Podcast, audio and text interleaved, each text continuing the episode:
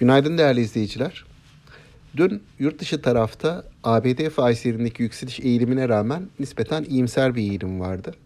Hani biraz teknoloji hisselerini bu iyimserliğin dışında tutmak e, gerekecek. Orada şirket bazlı, hisse bazlı e, satışlar e, endeksin bir miktar zayıf seyretmesine yol açtı ama onun dışındaki endekslerde daha geniş e, kapsamda gün olumlu kapandı.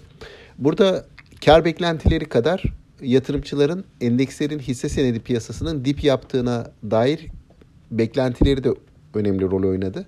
Ayrıca yine Rusya-Ukrayna krizinde nükleer silahların kullanılabileceği endişesi vardı. Dün yapılan açıklamalar e, bu endişelerin bir miktar giderilmesine de yardımcı oldu. Netice itibariyle ABD piyasaları açısından olumlu bir gün e, gözlemledik. Borsa İstanbul'da da hafif bir artış vardı. Ancak önceki günlerin aksine hisse değişimlerinin olduğu Mart sonundan itibaren endeksi sürükleyen banka hisselerini bir miktar satım geldiğini, buna karşılık havacılık, demir çelik hisselerine gelen alımlarla endeksin dengelendiğini istedik. Bu bahsettiğim hisse değişimleri ve e, bilanço dönemi öncesi kar satışları daha öncesinde bahsettiğimiz ve işaret ettiğimiz noktalarda bunun yine dönem içerisinde de devam etmesini bekliyoruz.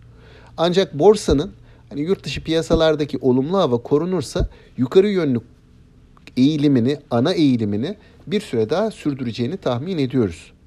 E, bununla birlikte bugün yine dünküne benzer bir seans olabilir diye tahmin ediyoruz. Çünkü bilanço dönemi öncesi hani hisse değişimleri olacaktır.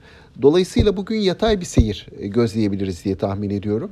E, bundan sonra ise bilançolar açıklandıkça kar beklentileri oldukça kuvvetli. Bunun yansımalarını görebiliriz. Yani öncesinde bir miktar durulma, bilançolar öncesi bir miktar durulma belki hisse değişimleri sonrasındaki yukarı eğilim şeklinde özetleyebileceğim bir e, strateji söz konusu olabilir.